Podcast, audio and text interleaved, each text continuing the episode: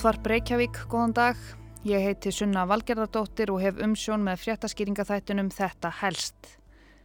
Í dag beinum við sjónum okkar að íslenskri kornirkju eða skortinum á henni öllu heldur. Stjórnvöld hafa lofað að skoða leiðir til þess að ebla innlenda matvælaframleyslu til að tryggja fæðuöryggi landsins sem verður brotættara með hverju árinu. Hvort sem það er stríðsregstri, smittsjúkdóma faraldrum eða hamfara hlínun um að kenna. Tilraunastjóri Landbúnaðar Háskóla Ísland segir í þættinum að íslenska kerfið sé svo brotið þegar að kemur að kortrækt að það sé í rauninni hvorki hægt að selja íslenskt korn að ráði nýja kaupa það. Það er engin markaður með korn því það ræktar engin korn og það ræktar engin korn því það er engin markaður með korn. Eins konar pattstaða sem er ómögulegt að vinna sig út úr. En þessu stendur til að breyta mögulega með stopnun korn samlags eins og þekkist í Skandinavíu. Þetta helst skoðaði hvaða möguleika við höfum þegar kemur að kordrækt á Íslandi.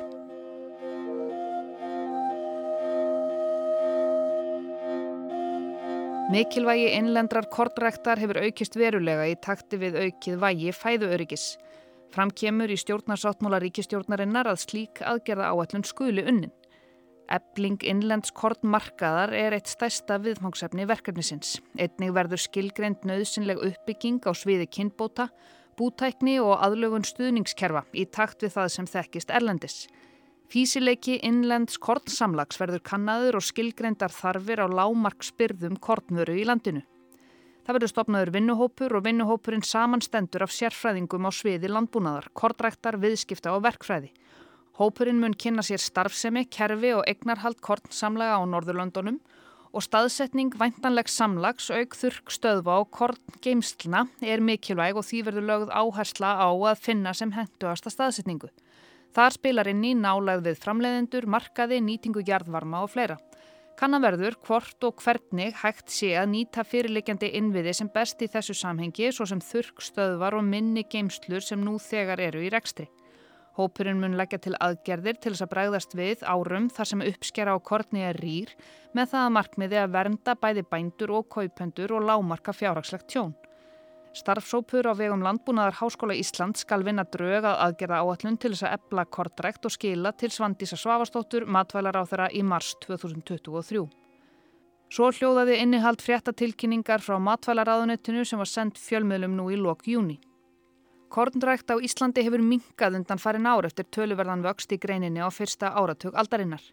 Stærstur hluti íslenskar framleiðslu fyrir fóður innan bús en hér á landi er ekki til félag sem getur keift og geimt korn í miklu mæli. Þar koma téð korn samlug til sögunar. Bændur hafa heldur ekki tryggingu fyrir því að geta selt kornið sem þeir rekta. Littlar sem engar kornbyrðir eru í landinu sem ógnar sannarlega fæðuöryggi og samkvæmt okkar upplýsingum eru ekki til nema um eins til tveggja mánuða byrðir af korni hér á hverjum tíma. Raunin er svo að ráefnabyrðir til fóðurgerðar svara ekki mikið meira en um sex vikna þörf. Mun fyrr eða á kannski þremur vikum, til dæmis ef skipakomur myndur raskast, færu að verða vandræði með að framleiða allar tegundur af fóðurblöndum og þá er voðin vís. Og þó að við höfum verið að reymbast við að rækta korn í mörg ár og það sem er að segja minnst á eblingu kornræktar í hennum nýja stjórnarsáttmála, þá er tímasetning á þessari áætlun ráð þeirra engin tilviljun. Þó að við séum sannarlega farin að fá smjör þefin að því sem koma skal í loftslagsbreytingum þá hefur stríðið í Úkrænu haft gríðarlega mikil áhrif á hráfurumarkaði um allan heim. Hinn gula og bláa Úkræna með kornakurinn í grunninn og heiminin fyrir ofan er eitt stæsti kornframleiðandi heimsins. Rúsland og Úkræna flytja samanlagt út tæpan þriðjung af því kveiti sem er selt í alþjóðu viðskiptum. Einning má nefna að Rúsland er stæsti byggframleiðandi heims og Úkræna sjötti stæsti.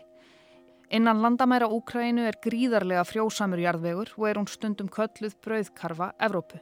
Viðskiptabann vestrætna ríkja gegn Rúslandi og stríðs ástandið í Úkrænu mun að öllum líkindum valda skerðingu og frambóði kortmara á markaði.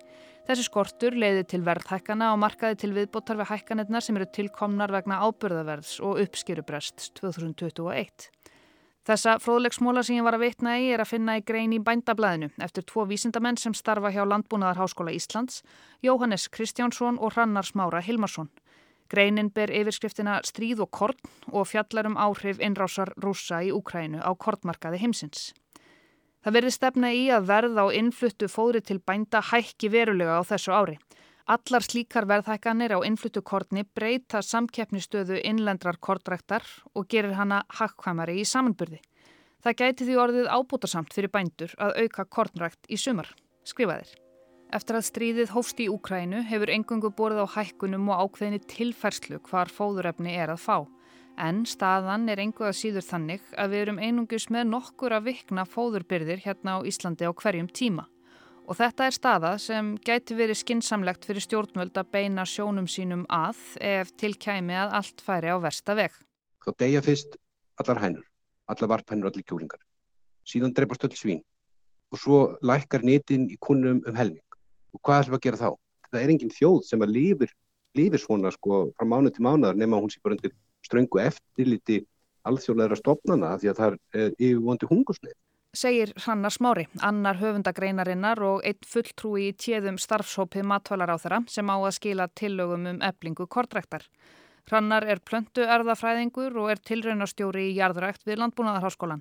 Hann hefur unnið við kortræktarverkefni skólan síðan 2015 og leitt þau síðan 2017.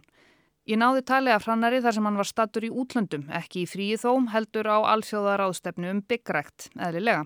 Okkur sem er andum þetta verkefni, okkur er, við erum ánum svolítið þreytt á þessu vegna þess að þetta er bara eitthvað sem er talað um frekar heldur það sem er gert og uh, nú þarf bara að hætta að tala um þetta og gera þetta og það er okkar skoðun að, að helsta fyrirstaðan fyrir að kottrættin eflist á Íslandi er að, að það er ekki til neitt markaður með korn á Íslandi.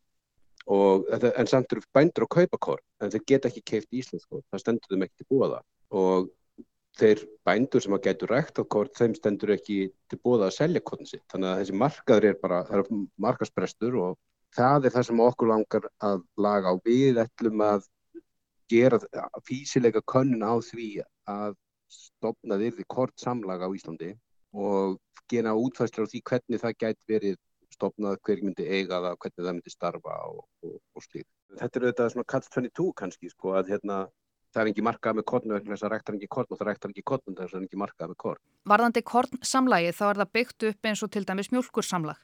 Þetta er fyrirtæki oft samvinnu félag sem kaupir korn af bændum samkvæmt verðskrám, þurrkarða og selur til dæmis til möldunar, fóður eða matargerðar. Bændur hafa fjárfest í þurkunarbúnaði fyrir lítið magn en hafa ekki bólmagn fyrir stórar og áhættusamar fjárfestingar. Finnst mér líklegt að niðurstaðan úr verkefninu verði svo að við munum leggja til uh, hvernig samlægi mun vaksa með aukinni kontrækt. Frekar en að, að, að auðsa út í stóra fjárfestingar og þess að allir sefli haka og rekti kont uh, næsta vor. Þá, þá mun samlægi geta vaksið með uh, rektunni þetta snýst kannski ekki aðalega að bara um það að kaupendur af íslensku kodni hafi aðgangað íslensku kodni eða kaupend, kod, kaupendur hafi aðgangað því heldur snýst þetta líka, líka um það að, að við sem þjóð þurfum bara að taka þá ákvörðum að ætla að ná einhverji eða aukinni sjálfsnægt í kodbrekt á Íslandi. Það er pólitísk ákvörð og, og svo, mér, ég geti ekki betur síðan að svo pólitísk ákvörðin hafi verið tekin og það er komið inn á því stjórnarsáttmálunum og núna er ráð þeirra að setja fjármagn Uh, inn í þessa vinnu til þess að greina þetta bara mjög nákvæmlega og, og ég vona að, þetta muni nýta sem aðgerðar á öllun uh, í eblingu kontraktar. Hrannar segir markaðinn bara vera einna veiku hlekkjónum í kerfinu hvað var þar hömlur í íslenskri kortrækt en hann sé þó sannarlega veikast í hlekkurinn. Plöntu kinnbætur eru annar veikur hlekkur en Hrannar hefur sérhæft sig í plöntu kinnbótafræðum í mörg ár.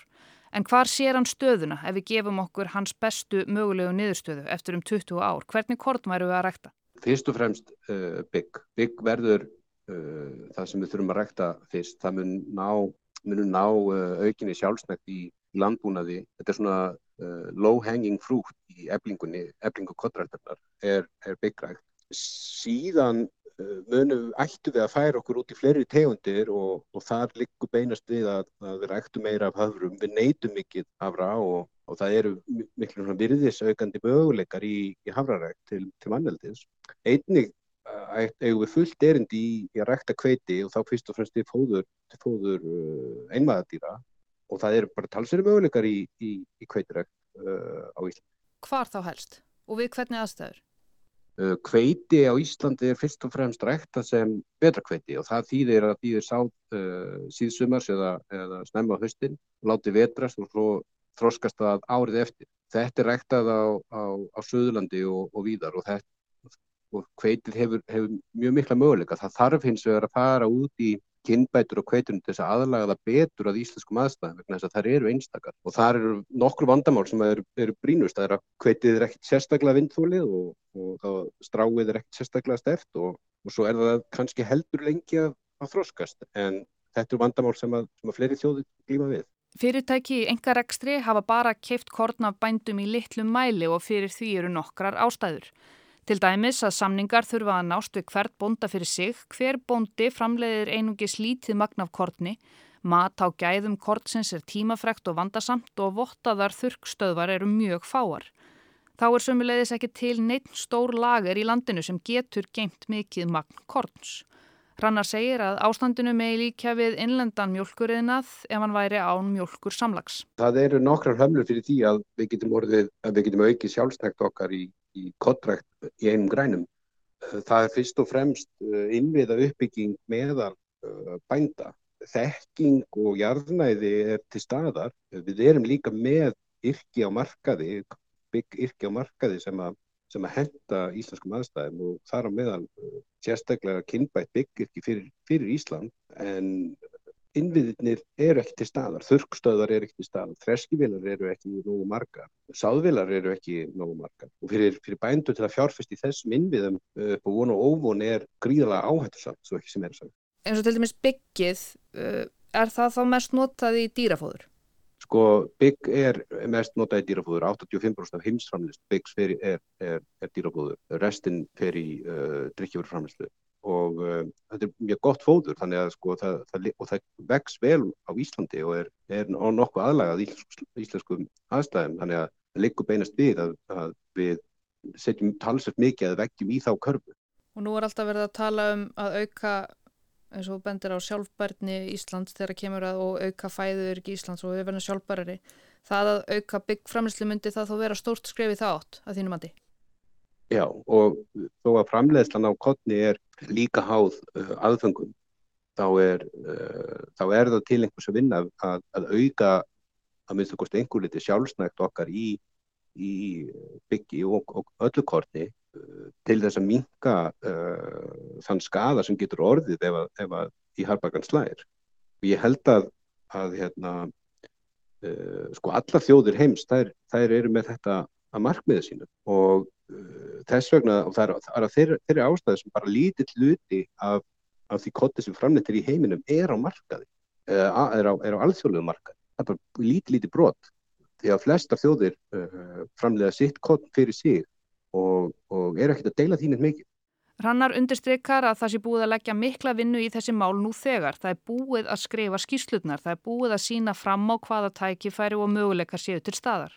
Starfsópurinn ætlar ekki að gera það en það liggur svo vinna fyrir. Heldur ætlaðu að láta ráð þeirra fá skýra aðgerðaráallun sem er meðal annars byggð á þessum skýrslum. Þetta er sem þarf að gera, er í stjórnarsáttmálunum, það er aldrei verið meiri deglinni en nú, það er aldrei verið meira current og relevant og ef, að, ef við gerum þetta ekki þá gerum við þetta aldrei, ef við gerum þetta ekki núna. Og ég held að við sem þjóð, við þurfum bara að ákveða þetta saman, að, að gefa sjálfum okkur þessi gjöf, að auka sjálfsnátt vegna þess að við lifum frá mánuði til mánuð og ef að kottni kemur ekki þá deyja skeppunar. Og ertu bjart síðan á að þetta náðu fram að ganga? Já, ég er gríðlega bjart síðan að þetta náðu fram að ganga. Sagði Rannars Mári Hilmarsson, tilröðnastjóri í Landbúnaðarháskólans og hluti af starfshópi sem skilar matvæla ráð þeirra tillögum um eblingu kortræktar áður en langt um líður. Eginleg vinna hefst við verkefnið í ágúst, stöðu yfirlit verður veitt í desember og loka skýstur svo skilaði í mars á næsta ári ef allt gengur vel. En eins og Hrannar sagði þá verða líklega ekki öll tún landsins yðandi af byggi, kveiti og höfrum hér á næsta ári en það er ljóst að vilji er til þess hjá þessari ríkistjórn að koma málinu í einhvers konar farveg. Því við viljum nú líklega ekki enda hér korn og fóður laus sem verðist hæglega geta gerst ef ekkert breytist. En við segjum þetta gott af kortræktar plönum stjórnvalda hér í þetta helst. Takk fyrir að leggja við hlustir og við heyrumst aftur á morgun.